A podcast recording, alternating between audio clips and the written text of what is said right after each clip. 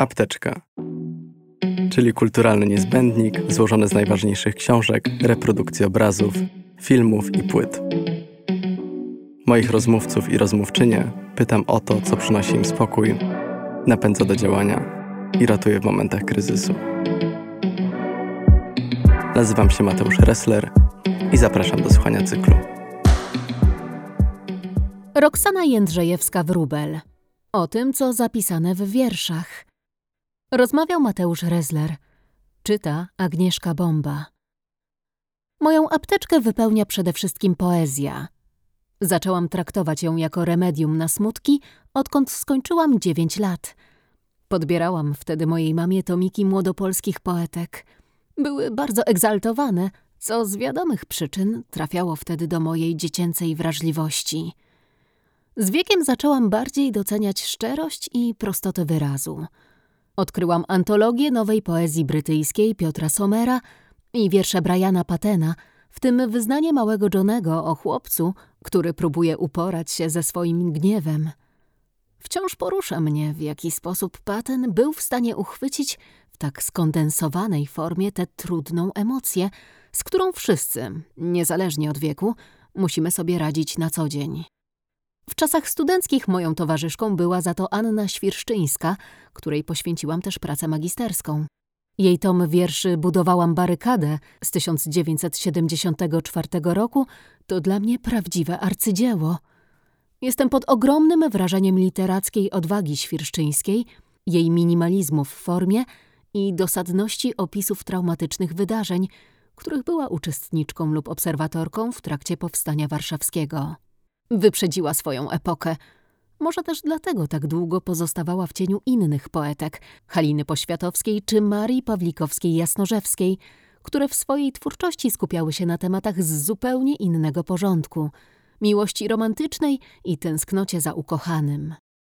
Najbardziej przemawiają do mnie wiersze mocno osadzone w rzeczywistości, które pozwalają mi spojrzeć na nią z nieznanej dotąd perspektywy – Cenię zarówno poetki z dużym dorobkiem, Maję Angelu i Louise Glück, jak i twórczynie młodego pokolenia, Amandę Gorman czy Rupi Kaur. W tej ostatniej dostrzegam zresztą nutkę świrszczyńskiej, mówiącej językiem mediów społecznościowych. Jak się okazuje, instagramowa poezja też może być na swój sposób rewolucyjna, wychodzić poza sztywne ramy akademii i festiwali literackich, chwytać za serca i otwierać umysły osób – które do poezji mają stosunek raczej ambiwalentny. To jest zresztą mój największy zarzut do środowiska poetyckiego. Wiersze są zawsze o życiu, dlatego zamiast dzielić je na lepsze i gorsze, powinniśmy zapewniać do nich jak największy dostęp. Opowiadać o nich tak, by nie budziły w ludziach lęku przed wypowiedzią, czy coś im się podoba, czy nie. Najlepszym przykładem na to, że poezja może się okazać pomocna w radzeniu sobie z wieloma kryzysami emocjonalnymi, jest dla mnie projekt brytyjskiego przedsiębiorcy i filantropa Williama Ziegharta. Jest on twórcą serii The Poetry Pharmacy, apteka poetycka, w której zebrał wiersze na różne dolegliwości. Mówił o nich w radiu i telewizji. Zjeździł też całą Wielką Brytanię, rozmawiając o poezji podczas indywidualnych spotkań z ludźmi, którzy przychodzili do niego w potrzebie. Jeśli ktoś jest w żałobie, zmaga się z odrzuceniem, ma stany lękowe lub depresję, to w The Poetry Pharmacy znajdzie utwory, czasem napisane wiele wieków temu, które mówią właśnie o tym. Oczywiście, nie jestem tak naiwna, by uważać, że poezja stanowi lekarstwo na wszystko i po przeczytaniu jednego utworu człowiek staje się wolny od problemów.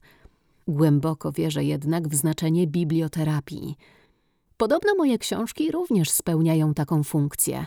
Każdy z nas chce być przecież zauważony, chce coś znaczyć. Nie bez powodu James Cameron w awatarze zdecydował się zastąpić wyznanie kocham cię słowami widzę cię. W kulturze możemy zobaczyć siebie, to, co w nas dobre oraz to, co nas czasem uwiera i dzięki temu choć przez chwilę poczuć się mniej samotni. To największa moc kultury.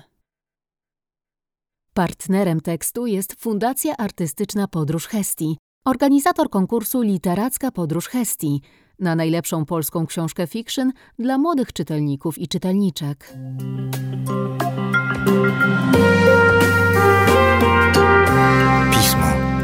Magazyn opinii.